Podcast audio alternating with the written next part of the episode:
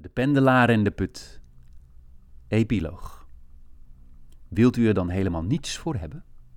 De jonge man keek Simon iets wat achterdochtig aan terwijl ze samen rond het huisje liepen. Nee hoor, ik heb het toen de tijd gehuurd van de eigenaar, maar hij is ondertussen overleden. In het testament stond dat het schiereiland nu van mij is. Maar het heeft me niets gekost, dus waarom zou ik jou wat voor vragen? Koffie? Samen liepen ze het huisje binnen. Hierachter staat nog een soort van logeerkamer, maar de laatste tijd is die niet veel meer gebruikt. Het is hier niet zo druk. Hij schonk voor hun beiden koffie in terwijl de jonge man voor het vuur ging staan. Ik hoop dat je wel begrijpt dat bij het huisje ook de verantwoordelijkheid van de pendeldienst. Jij bent nu de pendelaar. Jij moet nu zorgen dat mensen heen en weer kunnen. Ja, dat begreep ik. Ik was hier jaren geleden ook al.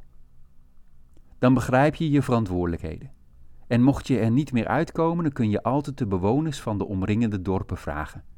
Zij zijn erg gul met goede en minder goede adviezen. De jongen glimlachten en in stilte dronken ze hun koffie, terwijl ze beiden naar de vlammen staarden. Wacht eens, u had vroeger toch een geit, nietwaar? Klopt, Koos was dat. Simon mijmerde weg bij de gedachte aan het beestje dat het nog zoveel jaren had uitgehouden. Woonde hier toen de tijd niet ook een vrouw? Ik weet nog dat ik hier eens met mijn ouders ben geweest en dat ik nogal onder de indruk was van haar. Klopt, er heeft een tijdje een vrouw bij mij gewoond en klop, daarvan kon men niet anders dan onder de indruk zijn. Wat is er van haar geworden? vroeg de jonge man nieuwsgierig. Dat is een lang verhaal. Ik heb de tijd.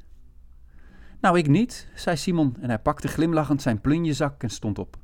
Kun je me misschien even overzetten? Ik heb een rit geregeld vanuit het dorp en die gaat over afzienbare tijd weg. Waar gaat u heen? Ik ga weer wat drukte opzoeken. Het is nu weer lang genoeg rustig geweest. Ik ga nog wat reizen, zolang mijn oude benen me nog kunnen dragen. Misschien kom ik nog eens langs. Dat zou ik erg leuk vinden. En de jonge man hielp Simon op het vlot.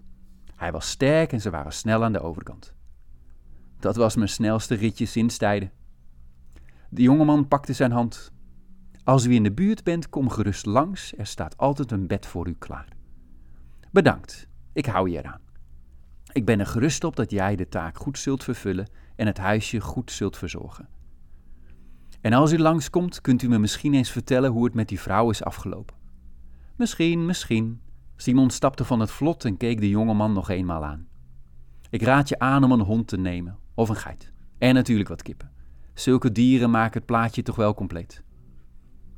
Hij stak zijn hand als in een laatste groet op en wandelde het pad af. De nieuwe pendelaar keek hem na. Wat een merkwaardige man, dacht hij bij zichzelf. Hij zag vanuit zijn ooghoeken het wachtbankje staan. Dat moest hij binnenkort maar eens vervangen. Het was een beetje doorgezakt.